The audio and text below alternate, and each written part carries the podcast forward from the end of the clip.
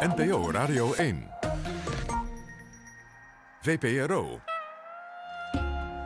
Nooit meer slapen.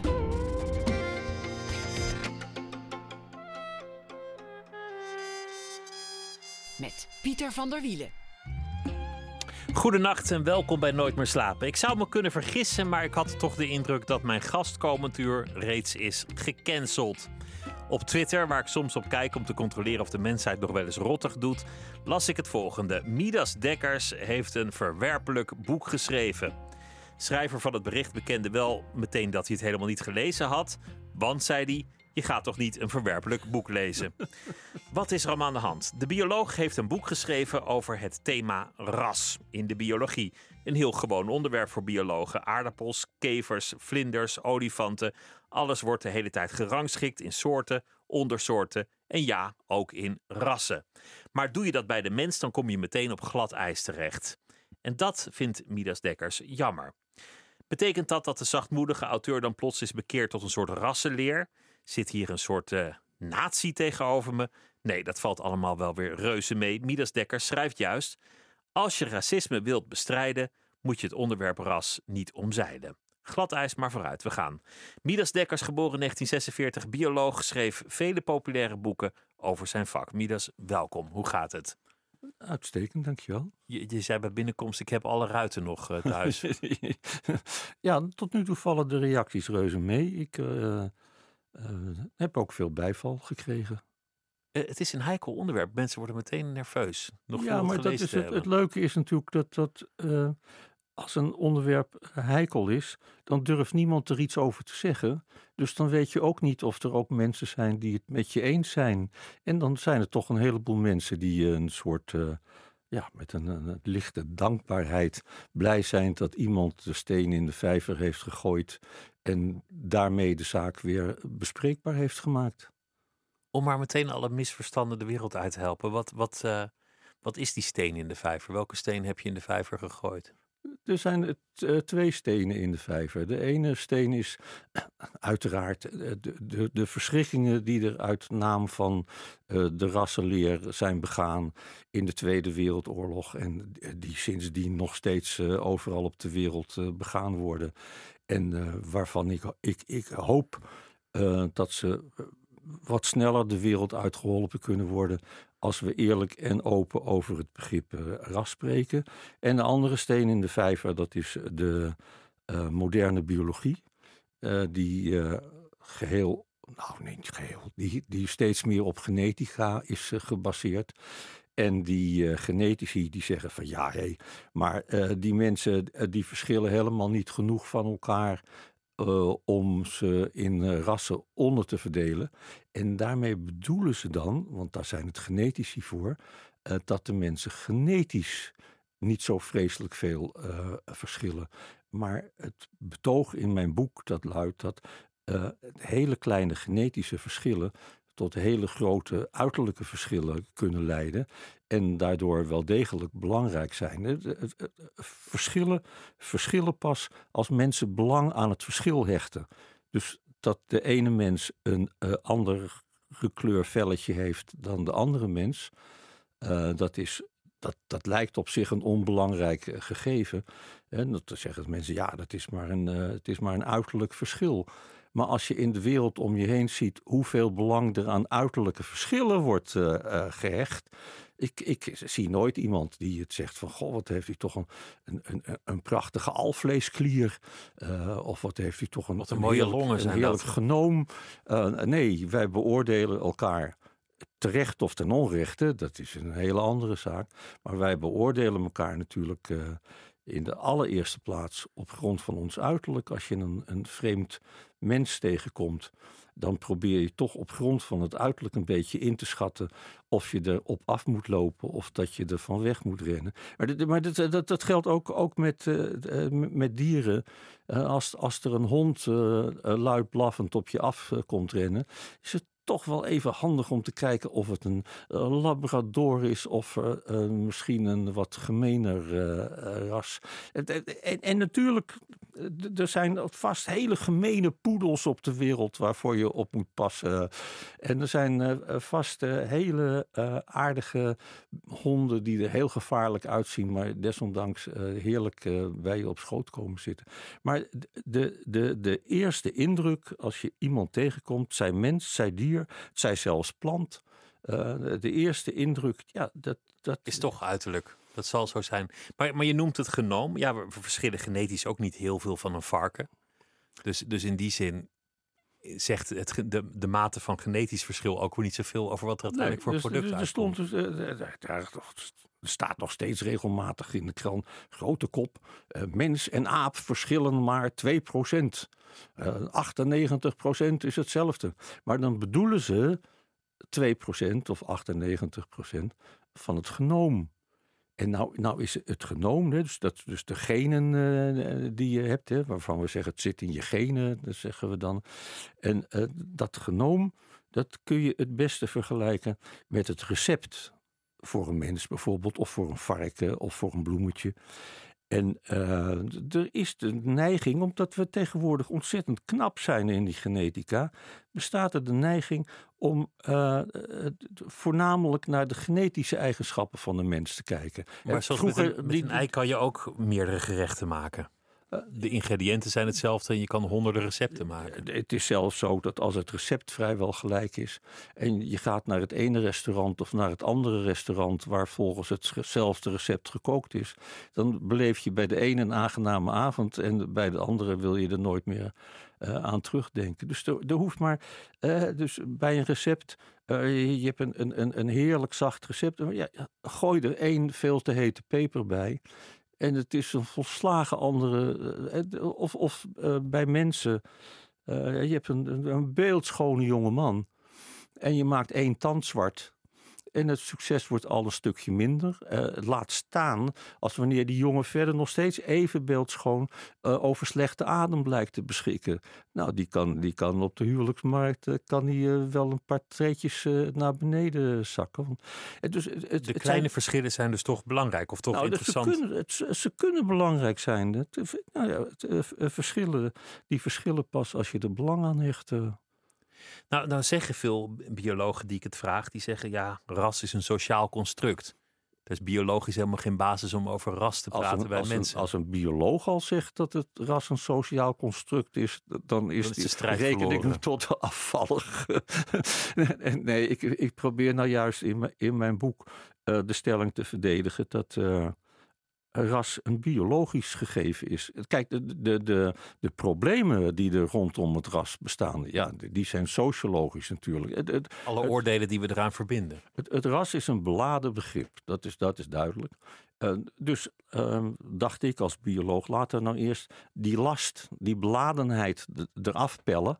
En dan komen we tot het eigenlijke onderwerp, eh, ras. De, de meeste mensen die zich met racisme bezighouden, die eh, eh, kijken naar de uitwassen van het racisme. En terecht, eh, godzijdank, en die moeten absoluut eh, op alle mogelijke manieren bestreden worden. Maar je kan wel aan het bestrijden blijven als je niet naar de wortel van het probleem kijkt in plaats van de uitwassen. En die wortel, dat, dat is het bestaan van verschillen tussen mensen, tussen soortgenoten eigenlijk. Ja, nou, dit is, dat, maar dat is bij, bij alle beesten en bij alle planten is dat zo. Dus wij, biologen, wij delen eh, de planten en de beesten op in, eh, in soorten. En dan meestal, het- voor het gemak, onder een soort verstaan we dan als, als twee individuen het met elkaar kunnen doen. Het, eh, dan behoren ze tot dezelfde soort. Als ze, als ze Als iets nakomelingen uitkomt, ja. krijgen, seksbedrijven. En als dat niet lukt, dan beschouwen we ze als verschillende soorten. Nou, en maar de, dus op die manier hebben we de dierenwereld ingedeeld in eh, 1 miljoen of 10 miljoen soorten. Het is maar net eh, hoe fijn je fileermes eh, is. Als het kan paren, is het een soort. Dat is, dat is de, de, de grondregel eh, altijd geweest. En het, het, het leuke van die, van die regel is dat om uit te maken of iets tot dezelfde soort behoort of niet. Hè, dat criterium of ze wel of niet met elkaar paren. Het leuke daarvan is dat die beesten dus eigenlijk zelf aangeven eh, wat een andere soort is. Als ze er eh, niet mee paren, eh, geen vruchtbare nakomelingen krijgen. Dan is het een andere soort. Dus het is echt een biologisch criterium. En dat is tegenwoordig is dat vervangen door een genetisch criterium. Dus uh, tegenwoordig, nou ja, tegenwoordig, ik bedoel, uh, binnen, een tijdje. in de moderne taxonomie is het gebruikelijk om voornamelijk te kijken naar de genen. En uh, als, de, als er nou maar de ene soort uh, andere clusters genen heeft dan de andere, het andere beestje. Dus ze, ze kijken niet, niet meer naar het hele beestje. Nou ja, ze zeggen wel van wel hoor. maar er wordt wel heel erg de nadruk gelegd op het bezit van afwijkende genen. En ehm, ja, ik, ik, ik, ik, kijk er soms een beetje hoofdschuddend naar. Niet afkeurend, maar eh, hoofdschuddend. En dan zie ik hoe uh, vroeger gingen die, uh, die schedelmeters, die gingen de wereld rond met hun uh, schedelmeetpassers en hun oogkleur vergelijkingsstalen. om, die dachten echt dat er in de lengte van je neus en de kleur van je haar, dat daar het geheim van het verschil tussen de mensen zat. En uh, uh, tegenwoordig wordt daar natuurlijk wat lacherig over gedaan, niet ten onrechte. Uh, maar in plaats daarvan gaan er nu allerlei genetici die gaan de wereld rond en die verzamelen overal het wangslijm van de mensen in de, om daar het DNA uit te halen. En dan kunnen ze zien of je voorouders boeren waren of jagers of, of waar je vandaan dus, kwam. Dus net, net, net, net, zoals de mensen vroeger dachten dat de, de, de ziel van de mens in, in, in zijn neus of in zijn oren of in zijn haar of in zijn kleur zat. Zo denken ze nu dat die ziel in het DNA zit. Dus die menswetenschappen zijn eigenlijk helemaal niet verdwenen in die zin? Nee, de wetenschap is natuurlijk ontzettend vooruit gegaan. En natuurlijk eh, kun je aan het DNA veel meer afleiden dan aan je neusharen. Dat, dat begrijp ik ook wel. Maar uh, de gedachte dat je uh, met één zo'n facet van de mens ook daadwerkelijk de hele mens te pakken hebt, dat is nu even onzinnig uh, als toen. Maar je zei ze doen er lacherig over, over dat schedel meten en, en haarkleur in kaart brengen. Ze doen er ook bevreesd over, want uiteindelijk heeft dat geleid tot de eugenetica en de holocaust en tot segregatie in de Verenigde Staten en allerlei andere enge bewegingen. Dus het is totaal taboe geworden. Niemand wil nog weten dat het ooit bestaan heeft en er iets mee te maken nee, hebben. Dus na, na, de Tweede Wereldoorlog hebben ze op de universiteiten hebben ze het vak uh, fysische antropologie uh, zo goed als opgeheven. Uh, bij het schrijven van mijn boek ben ik uiteraard op zoek gegaan naar alles wat er tot nu toe over het onderwerp was geschreven. Hele bibliotheken bleven uh, gewoon verdwenen, in rook opgegaan. Hoogleraren in de fysische antropologie die hebben zo snel ze konden hun schedelmetertjes in de diepste laag gestopt en hebben zich om laten bouwen tot, tot een andere tak van wetenschappen. Het, het is een, een, een met schaamte met schaamte overladen vak geworden. En ik, ik, begrijp de aanleiding tot de schaamte. Dat is wat er allemaal uit naam van de rassenleer uh, voor verschrikkelijkheden zijn uh, uitgehaald. Maar om nou, als, als een, een, een, wetenschap zeer begint te doen, dan moet je hem niet onder het tapijt vegen. Nou, misschien een tijdje. Om, om, om, om de rust even te laten wederkeren. Maar, maar nu zouden we het juist aan moeten gaan. Maar wat kan je eigenlijk zeggen over, over ras? Want, want laten we naar een onschuldig terrein gaan om, om het onderwerp te verduidelijken. Biologen houden van klassificeren. Die willen altijd alles in soorten en ondersoorten en variaties onderbrengen. Net zolang tot ze ons wegen. Musea vol met torretjes, vlindertjes. En, niet alleen biologen, dat, dat geldt voor, eh, voor echt elke wetenschap. Uh, scheikunde begon pas een klein beetje op een wetenschap te lijken. toen ze het uh, periodiek systeem van de elementen hadden uitgevonden. Dat je alles wat er op de wereld bestaat uh, terug kunt leiden tot 92 uh, chemische elementen. Het zijn, nou ja, er zijn er inmiddels een paar bijgekomen, maar in, in, in, uh, in het diepste wezen. En dat je die elementen op een rijtje kan zetten en dat je sommige dus eigenschappen gemeen hebben en, en sommige juist niet. Dus het, het, het, het hele idee van wetenschap, en dan bedoel ik niet alleen de wetenschap aan de universiteit, maar ook de wetenschap die je als klein kindje opdoet. Uh, bestaat eruit dat je de chaos waarin je geboren wordt. Uh, een klein beetje weet in te delen, te catalogiseren. Op die manier krijg je er een beetje. Als, als, ik weet niet of je het nog kan herinneren, maar toen je pas geboren was en je lag in je wiegje en uh, je deed je oogjes open en je oortjes open. Nou, dat was natuurlijk chaos. Het, het, temende tantes met hun, gezichten over je wiegje heen. Sommige mensen waren lief, sommige mensen waren zout. Sommige dingen deden pijn, sommige dingen waren fijn. sommige dingen waren lekker, sommige dingen waren vies. Geen touw aan vastknopen. En dan, dan, heel geleidelijk als kindje leer je dan dat uh, ja, de categorie papa heeft iets te maken met de categorie mama.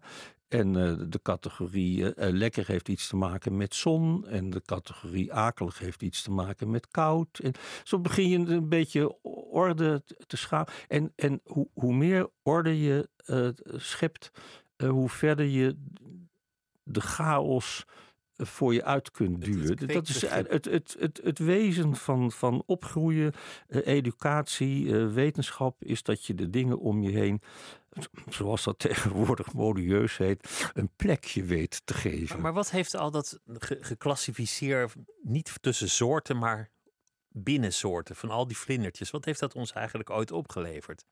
Waarom nou, klampen biologen altijd zo aan het klassificeren? Nou, dat heeft verschrikkelijk veel opgeleverd, omdat het een ene orgaan. Elk, elk individu en van welk organisme dan ook is uniek. Dat, dat staat als een paal bovenaan. Iedereen is weer anders. Dus iedereen reageert anders op prikkels. Uh, iedereen groeit anders op. Iedereen heeft andere verlangens. En in, in de land- en tuinbouw bijvoorbeeld maken we daar uh, uh, danig gebruik of misbruik van. het ene ras groeit onder deze omstandigheden, het andere onder die. Als wij geen, geen rassen zouden onderscheiden, dan was de wereld al lang gestorven van de honger.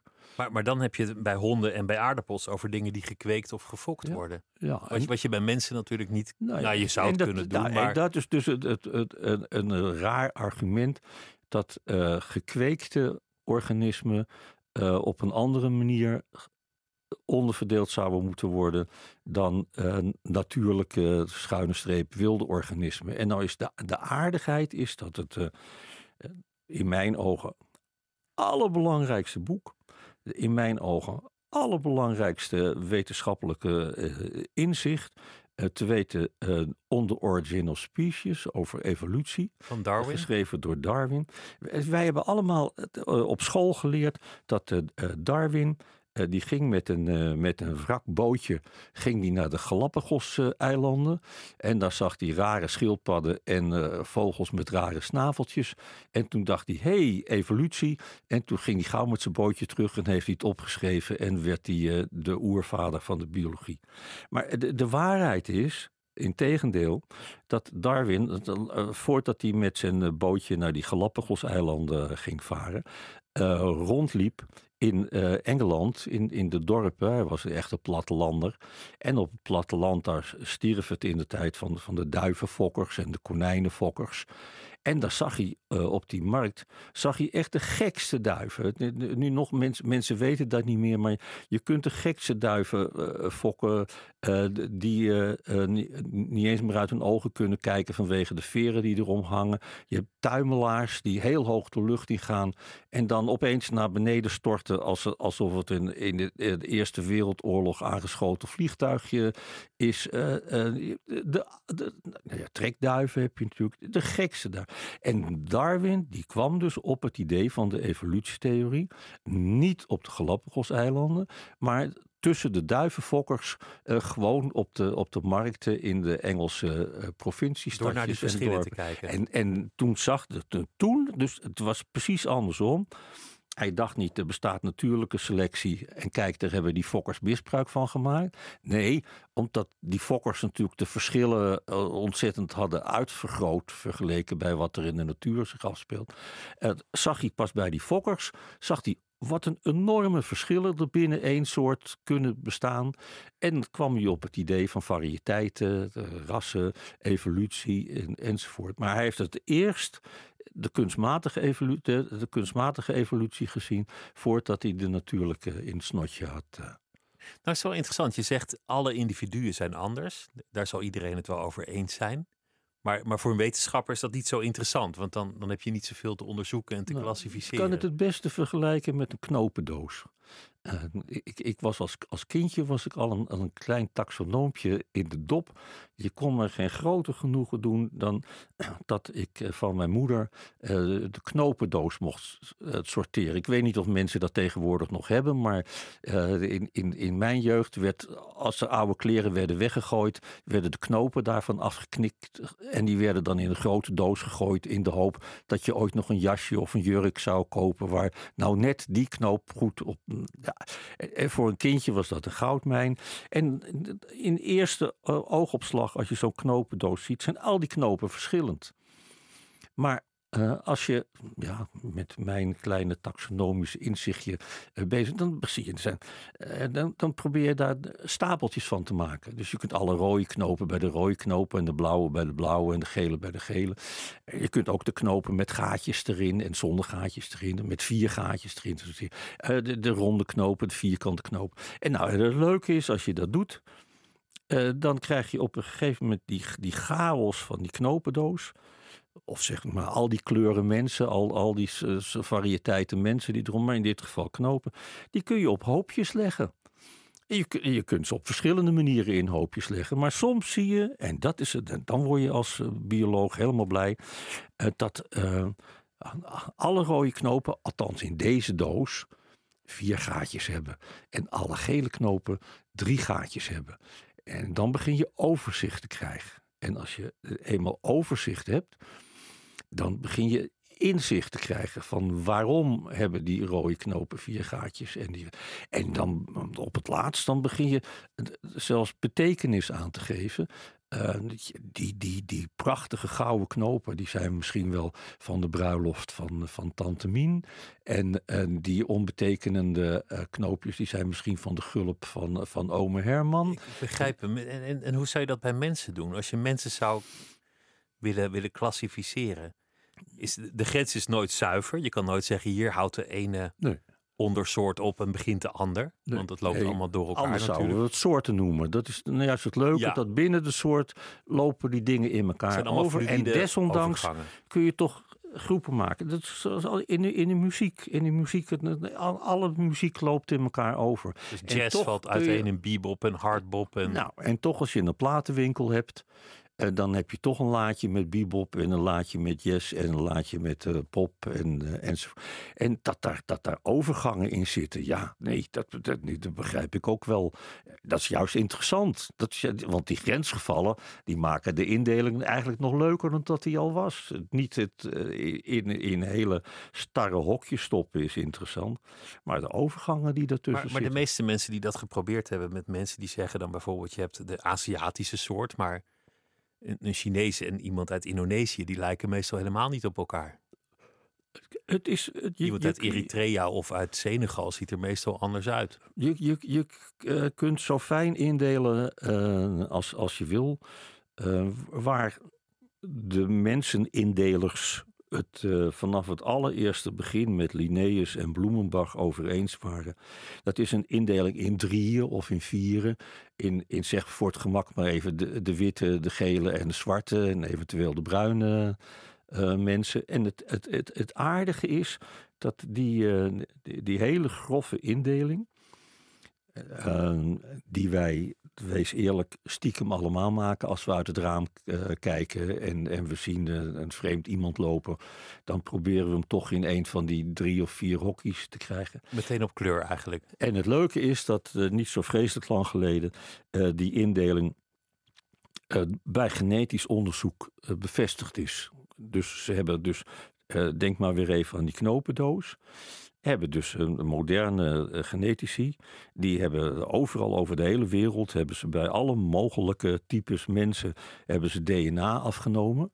En toen hebben ze dat DNA van al die mensen hebben ze in een, eh, een, DNA-knopendoos gegooid. En, en een computer op aangesloten natuurlijk, eh, uiteraard per computer. Dus die computer die was geheel onbevooroordeeld. En ze hebben tegen die computer gezegd, nou hier heb je een, een knopendoos vol met allemaal DNA's. Maak jij nou eens vier hoopjes van, van die DNA. En lo en behold, uh, ze komen keurig netjes met vier hoopjes. Het ene hoopje zijn de witte mensen, het andere hoopje zijn de bruine mensen, het andere hoopje zijn de zwarte mensen en het vierde hoopje zijn de gele mensen. En wat zegt het dan dat het ook in DNA te vinden is? Nou, dan zegt het dat toch dat er wel degelijk een uh, genetische basis is voor uh, de indeling die wij automatisch, geheel onbewust uh, altijd al hebben uh, aangebracht. Maar, maar, dat is toch nogal wiedes, want het is gewoon erfelijk. Dus natuurlijk zit het in DNA. Nou, kijk, ik heb een medestander gevonden. Dat, uh, dat, is, dat is mooi.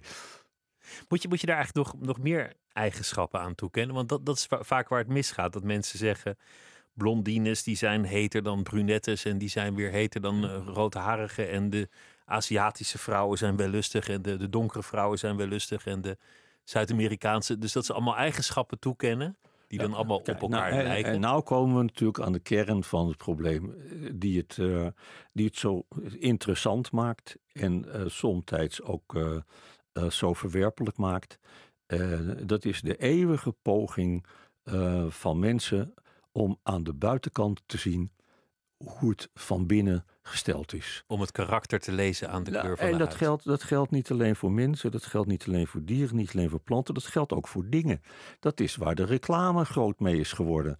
Dat de, de verpakking uh, belangrijker uh, is in veel gevallen uh, dan de daadwerkelijke inhoud. Dat er ook door verpakkingsdeskundigen tussen 500 soorten kaas uh, die allemaal een naam hebben, die, die, die, die, eigenlijk allemaal in elkaar overlopen als je een kaaswinkel binnengaat. Uh, of een, een, nog makkelijker voorbeeld, een wijnwinkel. Uh, ik ben geen wijnkenner, voor mij, ik denk wijn, ja. geef mij maar een pilsie. maar er zijn ook mensen die feilloos tientallen, honderden soorten wijn van elkaar kunnen onderscheiden. En dat is... En dan zijn er dus weer mensen die, uh, uh, die verschillende soorten wijn of die verschillende soorten kaas in verschillende soorten flessen stoppen met verschillende soorten etiketten, zodat je aan het etiket kan zien, aan het uiterlijk kan zien wat erin zit. Dat is natuurlijk belangrijk voor de prijs. dus de, de, de, het, het, het, de, de, de pech is dat wij mensen, ons belangrijkste zintuig, dat zijn de ogen. En die ogen, als ik, als ik uh, jou moet beoordelen of een willekeurig ander mens, of een hond, of een plant, of een kaasje. Uh, dat doe ik voornamelijk op grond van mijn ogen. En die ogen, die, die ketsen af op de buitenkant. Uh, ik heb geen flauw idee van jouw alvleesklier, jouw maag. zelfs jouw vriendin of vriend uh, waarmee je misschien al jaren verkeert en allerlei intimiteiten deelt. En Weet je zegt, ik, ik, ik, hou van jou. Uh, ik, ik, ik, ik, ik, ja, waar hou je dan van? Oh, ik hou, ik hou van alles van jou. Uh, ja, ook van mijn dunne darm, ook van mijn mild. nooit gezien. Het, in wezen, zelfs als je heel intiem bent met elkaar, een heel leven deelt, dan heb je eigenlijk van elkaar alleen maar het buitenkantje gezien, het velletje gezien. Je kent eigenlijk van de mensen om je heen ken je hooguit 1, 2, 3 procent. Dat is alles wat je ziet. En waarop je in ieder geval je, uh, je eerste oordelen baseert. Later pas leer je de karaktereigenschappen kennen. Uh, maar van het lichaam in ieder geval uh, niet meer dan een paar procent. Maar dit is waar het natuurlijk steeds mee misgaat. Dat mensen een hogere intelligentie toekennen aan het ene kleurtje dan aan het andere kleurtje. Ja. Bepaalde eigenschappen plakken op het ene kleurtje en niet op het andere kleurtje. En uiteindelijk ultiem bouwen aan een hiërarchie. Ja, maar ja, zo koop je ook je kaas en zo koop je ook je wijn. Als het in een, in een mooie fles zit of in een mooi pakje zit, dan ben je bereid daar meer geld voor te betalen. Je, je zegt we, we moeten ons bezighouden met het onderwerp ras, juist om racisme te bestrijden. Ja, nee, om, dat is omdat. eh, als, als je, als je eh, iemand wilt leren kennen of, of, of een dier wilt leren kennen. Je, je bent bijvoorbeeld, eh, dat was in de coronatijd, was dat nogal populair. Toen zijn er nogal wat mensen geweest die dachten, weet je wat, eh, ik word, eh, ik word vogelkenner. En dan, wat is dan het eerste wat je doet? Je koopt een kijkertje natuurlijk. En je gaat naar de boekwinkel en je koopt een vogelenboekje waarin die verschillende soorten vogels staan. En ehm, om je als vogelkenner uit te kunnen geven, moet je het, het verschil weten. Eerst natuurlijk tussen een mus en een spreeuw, maar dan ook tussen een hegemus en een ringmus en een, en een huismus. En dan moet je de verschillen weer binnen, binnen die huismussen. Daar zijn ook verschillende rassen weer tussen. Dus eh, het, het begint altijd bij welke wetenschap of bij welke hobby je ook begint. Het begint met het inventariseren van alles wat er is. En dan vervolgens met het, eh, met het klassificeren daarvan. En waarom doe je dat? Omdat je de vogels wilt leren kennen. Er was vroeger een populair vogelboekje, dat heette Zien is kennen, heette dat. Eh, dus- dus je, je, je moet goed kijken. En waarom moet je goed kijken? Om onderscheid te maken. En als je al die verschillende vogeltjes eh, van elkaar kunt onderscheiden, dan begin je meer te begrijpen eh, van wat een ander voorbeeld met mensen. Eh, jij komt een, eh, een, een eh, als, als jongen of meisje, kom je een leuke partner tegen. Je danst eens wat en je doet dus wat meer dingen die frisse partners met elkaar doen. En op een gegeven moment zegt ze van, wil je niet eens een keertje bij me mee, mee naar huis? Kan ik je voorstellen aan mijn ouders en mijn familie? Nou, dan kom je als, als vreemde, kom je in zo'n familie. En het allereerste wat je doet, is natuurlijk uit elkaar houden. Wie is de vader en wie is de moeder en Waar wie is de neef en wie is de oom. En, en wat is daar de achtergrond van? En de ene is professor en de andere is putjeschepper. En, en eh, dat is een, dat- zo snel je maar kan, probeer je om, om je een beeld te kunnen vormen van de familie, van je, van je aanstaande schoonfamilie. eh, ga je eh, alle verschillen tussen die familieleden ga je bekijken. Nou, als, als je bekend wilt raken met vogels, moet je dus die vogels uit elkaar houden. Nou, als je eh, de mens beter wilt leren kennen, is het allereerste wat je moet doen om die, de, de verschillen tussen de mensen eh, Dus, wat je te eigenlijk zegt, ik, ik probeer te begrijpen wat nou eigenlijk het betoog is, maar dat is niet zo huiverig doen om te kijken naar verschillen, naar kleur, naar, naar afkomst, naar, Nee, naar verschillen, maar, maar gewoon het, het onder ogen zien. Het is er, we zien het. Het, Het, is geen geheim, het is niks geheimzinnigs. het leuke is dat als je, als je de verschillen eenmaal eh, benoemd hebt. eh, eh, eh, als je, als je, elk beestje moet een, een, een naampje hebben, eh, ook als het een mens is.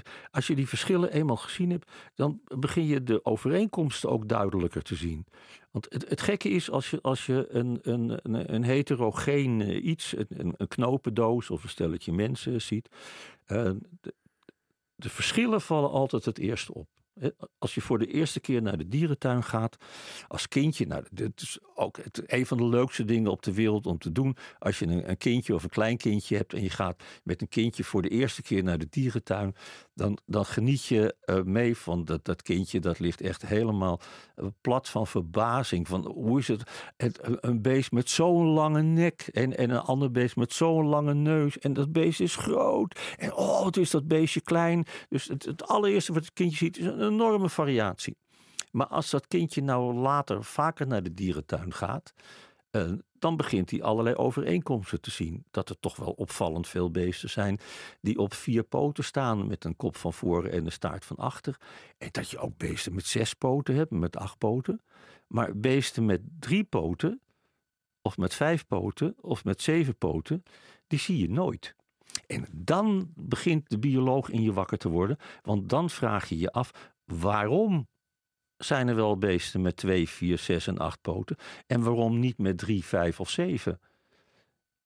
En bij mensen zou je dan afvragen, hoe komt het eigenlijk dat we verschillen en zoveel hetzelfde is? En dan kom je bij erfelijkheid, afkomst en... Dingen, dingen moeten je eerst opvallen voor je erover na gaat denken. Als jij in, in een museum loopt en, eh, langs een stelletje schilderijen.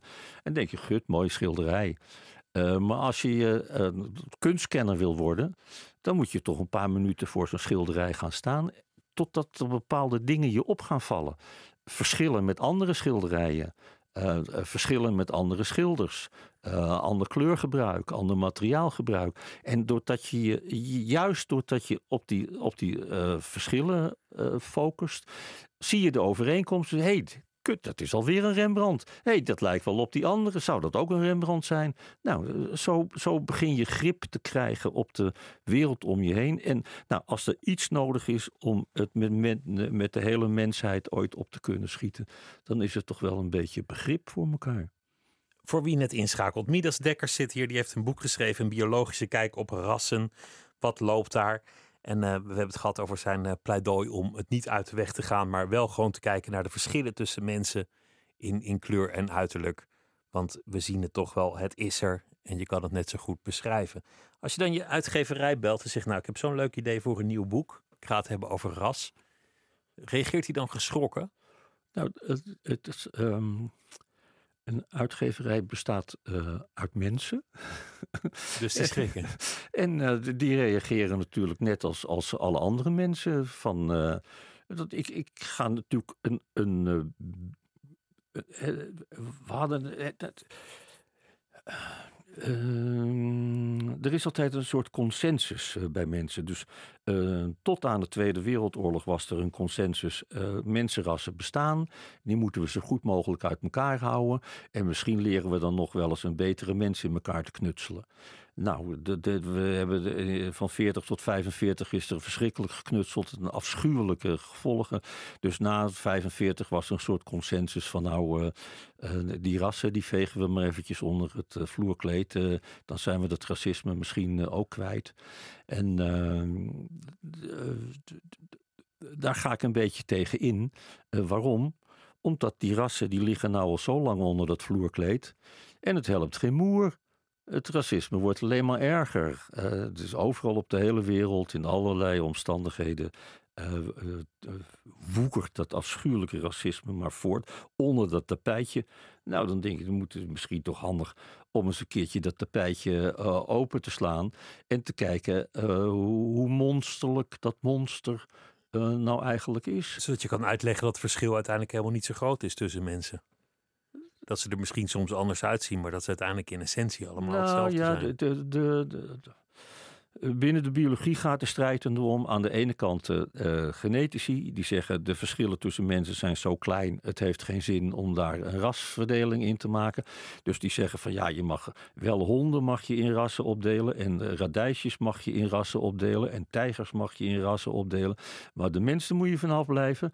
En dan vraag ik waarom dan? En dan zeggen zij van ja, de verschillen die zijn maar zo klein en uh, dat loopt allemaal in elkaar over. En dan zeg ik weer van ja, maar bij, bij uh, tijgers en uh, bij chimpansees zijn die verschillen ook heel klein. En die maken we wel allemaal. maar je kunt in ieder geval zeggen dat de individuele verschillen altijd groter zullen zijn dan, dan de overeenkomsten binnen een ondersoort. Eh, dat Individuen is de, verschillen de, altijd het meest van elkaar. Dat is de mantra geworden uh, uh, waarmee het begrip ras is opgeheven. 50 jaar geleden al door meneer Levinson. Um, maar hij zegt ja, die, die, die verschillen tussen die rassen die zijn zo klein. daar, daar beginnen we niet aan. genetisch gezien, hè? En uh, nou, mijn eerste verweer daartegen is dat, uh, ja, dus de, de, de uh, verschillen zijn maar 15%. En de verschillen die door die, die rasgebonden zijn, om het even ruw te zeggen, die zijn maar 8%. Uh, dus dat zou je verwarren. Dus, dus de, de, de, laat ik het netjes zeggen. Mensen verschillen ongeveer uh, genetisch een half procent van elkaar. En uh, 8 procent van die halve procent wordt maar door uh, rasverschil verklaard. En dan zegt een hoop van die genetici, ja, nou ja, dat is veel te weinig. Daar gaan we geen, gaan, geen rassen meer voor oprichten hoor. Dat, Uh, maar ze vergeten daarbij, of ze vergeten niet, maar wat ze niet noemen is dat er, een, een, het genomen van een mens dat bestaat uit, uit 3 miljard letters, zoals dat heet. Hè? Dus 3 miljard tekentjes die uh, maken dat jij jij bent en ik mij ben. En uh, 8% van een half procent van 3 miljard is nog steeds een hele hoop. En uh, er hoeft soms maar een heel klein beetje in het genoom te verschillen voor een enorm verschil in uitwerking. Een beste voorbeeld naar mijn smaak nog steeds uh, het verschil tussen het uh, spraakgen van de mens. We hebben een gen waardoor we kunnen praten. Fox, P, weet ik veel, heet het. en chimpansees bijvoorbeeld hebben dat gen ook. En die zouden dus ook moeten kunnen praten, net als wij.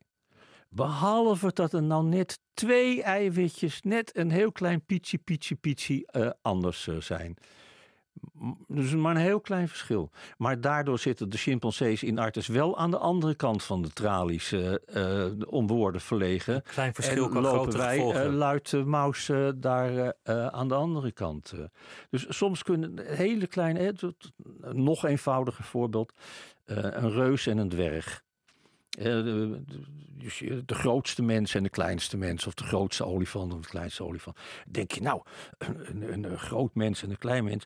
Nou, een groot mens die heeft biljoenen en biljoenen en biljoenen cellen meer dan een klein mens. Dus dat moet wel een hele belangrijke genetisch. Nee, niks ervan. Er is gewoon één gen dat zorgt voor de groei. En als dat gen wat langer aanstaat, dan word je gewoon een stuk groter. Dus één hele kleine. En, en andere voorbeeld, de erfelijke ziektes. Er hoeft maar één heel klein dingetje in een gen te ontbreken of verkeerd om te zitten. En je hebt, bent het slachtoffer van een, een of andere af, afgrijzelijke erfelijke ziektes. Dus de, de gedachte dat, dat wat, wat veel genetici zeggen, die rassen die verschillen niet genoeg van elkaar genetisch. Maar dan bedoelen ze kwantitatief. Maar de, het gaat natuurlijk niet om de kwantiteit van de verschillen. Het gaat natuurlijk om de kwaliteit van de verschillen. Eén moment van onbedachtzaamheid kan maken dat mijn eeuwigheid. Uh, ongeluk zit in een klein hoekje. Dat soort spreekwoorden dat geven aan dat maar een, een, een, een heel klein verschil in een recept. En je eten is uh, gigantisch bedorven. Of het golfballetje een millimeter naar links of rechts ja. raken is zes meter bij de uitwerking. Je, je, je hebt jezelf wel eens een binnenbioloog genoemd. Je, noemde Darwin als je grote voorbeeld. Darwin is vooral beroemd geworden door zijn reis, maar is, is eigenlijk na zijn uh, dertigste nooit meer zijn huis uit geweest, zo'n beetje. Ja, hij wist beter inmiddels. hij dacht, ik, ik heb daar niks te zoeken. Is, is dat eigenlijk wat jij ook doet, gewoon van, vanuit, je, vanuit je huis met, met een klein ommetje de wereld beschrijven? Nou, ik, ik, nou ja, ik, ik heb. Uh, vroeger heette dat een kamergeleerde. En een kamergeleerde, dat was dus iemand die uh, in zijn bibliotheek uh, stapels boeken aan de kennis van andere mensen verzamelde en daar een oordeel over velde. En het instituut Kamergeleerde staat niet in een fraai daglicht de laatste jaren. Je moet er Tegenwoordig moet je erop uh, uit en onderzoek verrichten en de wijde wereld in. Maar ik, ik heb dat ook wel eens gedaan. En het vervelende is, als jij bezig bent met onderzoek en de wijde wereld in aan het gaan. En de snavellengte van 10.000 rutto's opmeten, ik, ik noem maar wat. Dan heb je geen tijd om de, de, algemene biologie. Is wat. Er zijn een heleboel mensen in het veld en in laboratoria, die zijn allemaal nieuw nieuwe bouwsteentjes aan het toevoegen aan het bouwwerk van de wetenschap. En, en dan zijn ze soms met een torentje van het bouwwerk bezig, wat al lang op instorten staat. Of ze hebben niet in de gaten dat iemand anders een eindje verderop ook zo'n toren. Dus het, is, het kan geen kwaad als er mensen zijn die uh, het, het hele veld van hun vak een beetje overzien. Het overzicht, en het is ook wel comfortabeler thuis bij de kachel. Denk nou ik. ja, ik kan het iedereen van harte. Met, met een borrel aan het eind ik, van ik de heb, dag. Ik heb heel wat veldwerk gedaan en heel wat blaasontstekingen opgelopen. Ik, ik heb het, uh, nou ja, net als Darwin, mijn grote voorbeeld. ik dacht op een gegeven moment, ik uh, voel me beter thuis in de rol van uh, iemand die, nou ja, de, de, meer de architect dan de metselaar. Je, je bent min of meer opgegroeid in het café van je ouders. Dat, dat is juist een heel menselijke omgeving. Helemaal niet een omgeving voor vogelaars of, of rupsenverzamelaars. Maar wel een, een omgeving voor een, een, uh, voor een taxonoom natuurlijk. Want er kwamen in zo'n café... Als jij, als jij, vogels eigenlijk. Als, jij uh, geboren bent uh, met één, één broertje... en, en een cavia en een poes en een hond en een papa en een mama ergens in Almere... Um, ja, dan valt er niet veel te catalogiseren. Maar als jij in een café bent opgegroeid, waar alle mogelijke mensen binnenlopen. en waar het ook al heel gauw belangrijk is om onderscheid te maken tussen die mensen. Want uh, de ene die binnenloopt, uh, die beschouw je als een uh, als kindje. Als, als, een genereuze oom, dan kan je met je rapport wel langs. En de andere is een vervelende dronkenlap, dan moet je met een boog omheen lopen. En de volgende is een tand, een raar wijf wat aan je wil zitten. Ja, de volgende, de mevrouw daarnaast, daar wil je weer ontzettend graag door aangezeten worden. Dus je leert al heel gauw de mensen catalogiseren en vooral ook op het moment dat ze het café binnenlopen. Dan maak je al een inschatting. Als kindje leerde je dat al. Van hé, hey, daar, daar komt iemand, daar, uh, daar uh, ga ik niet mee aanpappen. En hé, hey, dat is wel een interessant iemand. En dat, en dat, dat, dat heet een, een vooroordeel. En dat vooroordelen staan niet hoog aangeschreven in de hiërarchie van gevoelens. Maar zonder vooroordeel kom je niet ongeschonden het leven door hoor. Dat is natuurlijk reuze handig om toch, toch, ja, wat moet je anders? Je probeert toch een, een oordeel te vormen als je iemand voor de eerste keer tegenkomt ook op grond van zijn uiterlijk en op grond van zijn gedrag. En het gaat er natuurlijk om. niet op grond van ras alleen. Nee, nee, maar het gaat er natuurlijk om dat je dat, dat, je dat uh, vooroordeel bijstelt als je iemand nader leert kennen. Maar dat je je bij eerste kennismaking, hey, iedereen die gaat solliciteren, die leert de, eerste indruk is, uh, is goud waard. En dat, dat, dat is nou eenmaal zo. Als, als je dat niet, de omstandigheden, het is toch wel fijn als je, er komt een beest op je af en je weet of het een leeuw is of dat het een mus is. Dat maakt verschil. Daar is ons brein op toegerust op die savanne. Moest je natuurlijk snel oordelen van is dit een vriend of, of juist niet. Dus, dus daar is een beetje de kleine bioloog in, in jou geboren toen. Je, je, je bent dit jaar 75 uh, geworden. Ja, of een hele grote bioloog geworden. Ja, de, de oude dag is daar. Maar je, hebt, daar, je hebt er altijd heel laconiek over geschreven. Van, uh, ja, op een gegeven moment moet je, moet je plaats maken voor, voor het evolutionair beter toegeruste model. Dan, dan moet binnen de soort moet, moeten de oudjes oprotten, zodat de jonkies die beter aangepast zijn, het kunnen overnemen. Hoe, vind je dat als je dichterbij dat, dat moment komt? Als je, als je ineens echt een, een, een oude bioloog bent. Nou ja, de, uh, lastig natuurlijk. Ik wil niet dood. Uh, maar ja, als er iemand is die weet uh, waarom ik dood moet, dan ben ik het wel. Dat is een, een, een, een foutje van de, of een, een keuze die de evolutie gemaakt heeft. Kijk, de evolutie had natuurlijk net zo goed mensen kunnen maken die duizend jaar oud worden. Dat is een koud kunstje. maar dan word je wel met het klimmen der jaren steeds iets krakkemikkiger. En kost het steeds meer moeite om die krakkemikkige oude lul uh, overeind te houden. Nou ja, wat je nu ziet in de gezondheidszorg, dat, dat loopt echt de, pan uit. Wij worden maar een klein beetje ouder. En dat kost de gezondheidszorg al verschrikkelijk veel moeite. Dus wat heeft de natuur bedacht?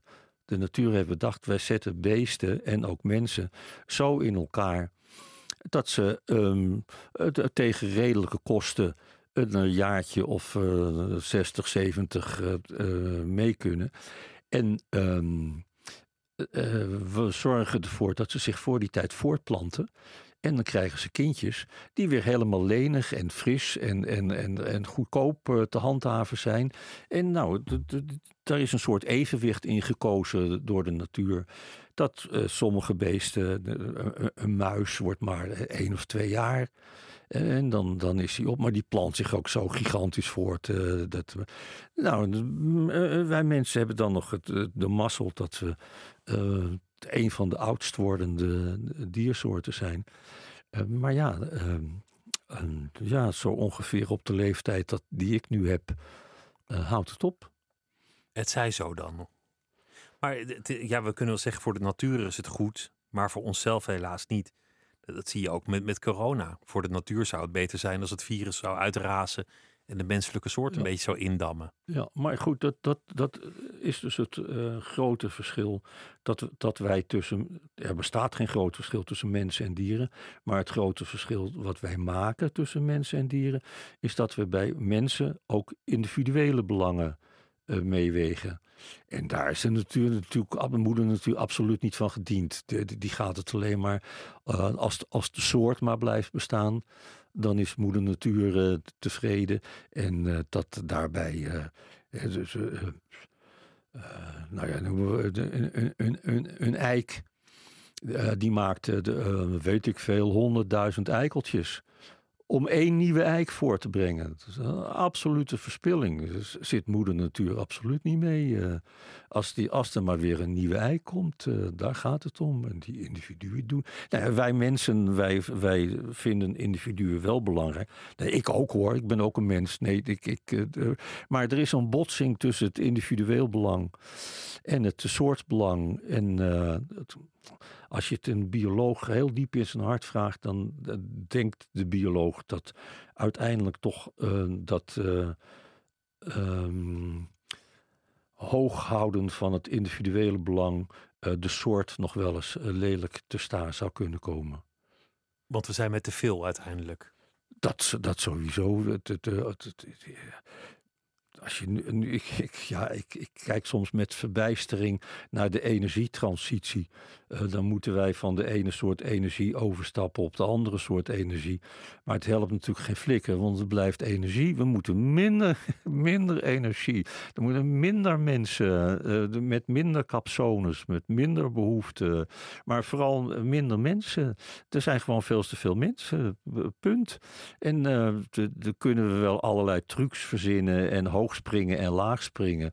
Eh, maar uiteindelijk eh, wordt er aan die overbevolking een einde gemaakt door, door eh, ziekte of door oorlog of naar keuze. Nou ja, als dit virus het niet gedaan heeft, dan zal het volgende, volgende virus het wel weer proberen. Ja hoor, het is echt, echt. dus in die zin is het ook wel een opluchting om mijn leeftijd te hebben. Dat je dat niet meer hoeft mee te maken. Ik, ik, ik heb het. ik heb de, de, de, de, de eindstreep eh, min of meer gehaald. eh. maar ik, eh, ik hou mijn hart vast eh, voor komende generaties. eh. Hoe, hoe kijk je eigenlijk terug op dat bestaan? Want je, want je hebt relatief weinig gereisd, maar je hebt, je hebt voornamelijk heel veel geschreven en binnengezeten. Achter je typemachine.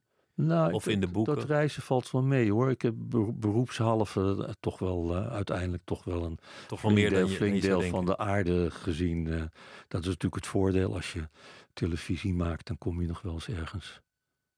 Maar een, een heel groot deel van je leven achter de typemachine met je gedachten. Ja, ja dat zouden meer mensen moeten doen. eh. Ehm, ik, ben, ik, ben, de- ik geloof dat de mensen eh, wat meer zouden moeten denken voordat ze hun mond open deden. Of in mijn geval een letter op papier eh, zouden tikken. Eh, maar dat is niet, het nadenken is niet in de mode. Het moet, het moet snel, de, ambities zijn hoog. ik heb niet zo lang geleden heb ik mijn, mijn zus begraven. En toen werd mij gevraagd of ik een, eh, een praatje bij haar overlijden wilde eh, houden. En eh daar had ik nogal, eh, eh, zag ik nogal tegenop. Want mijn zus heeft nooit iets beleefd in haar leven. Die, die, die had geen. Die was geen- niet heel ondernemend. Die had geen enkele ambitie. Eh, die was gewoon tevreden met hoe het leven eh, viel. En het leven is te genadig geweest. eh, dat is, eh, is niet, niet geen vreselijke dingen ge- gebeurd. Ook vreselijke dingen zijn daar niet gebeurd. En eh, toen moest ik een praatje houden. normaal gesproken, als iemand dood is, dan vertel je wat hij allemaal wel niet in zijn leven heeft meegemaakt. En dan moest ik vertellen wat ze allemaal in hun leven wel niet had meegemaakt. En toen brak bij mij het besef door dat dat misschien ook wel een fantastische manier van leven is.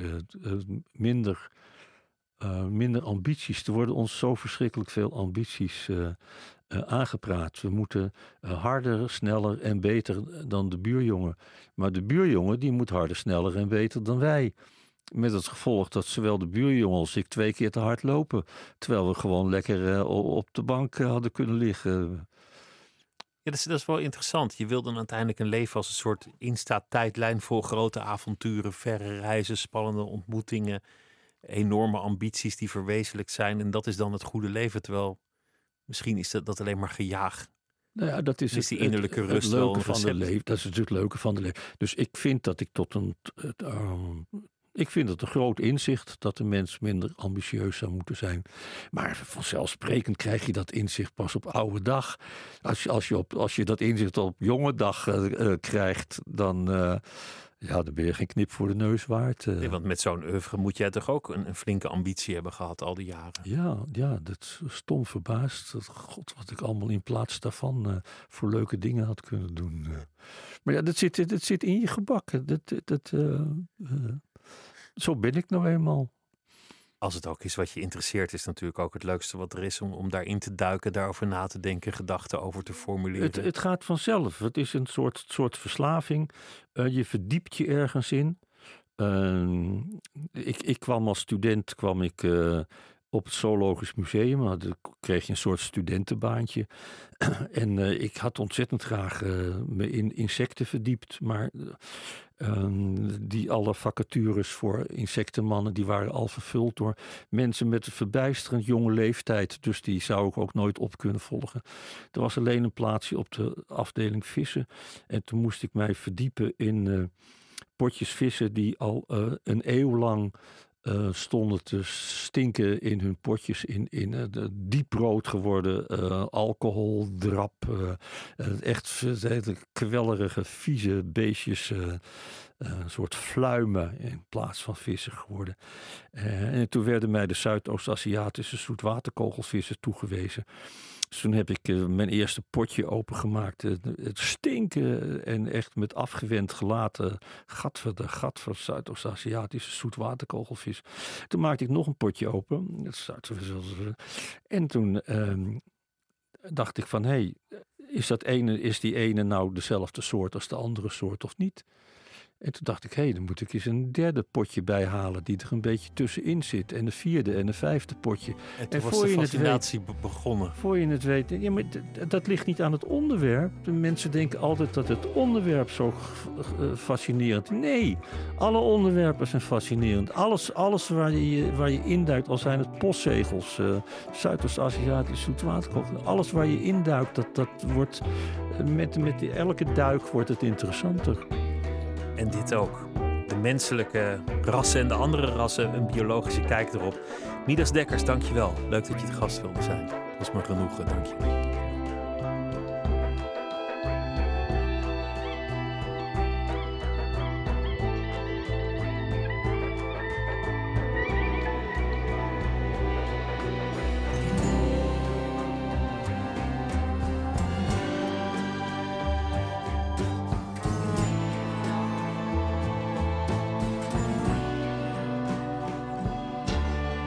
Radio 1. Het nieuws van alle kanten.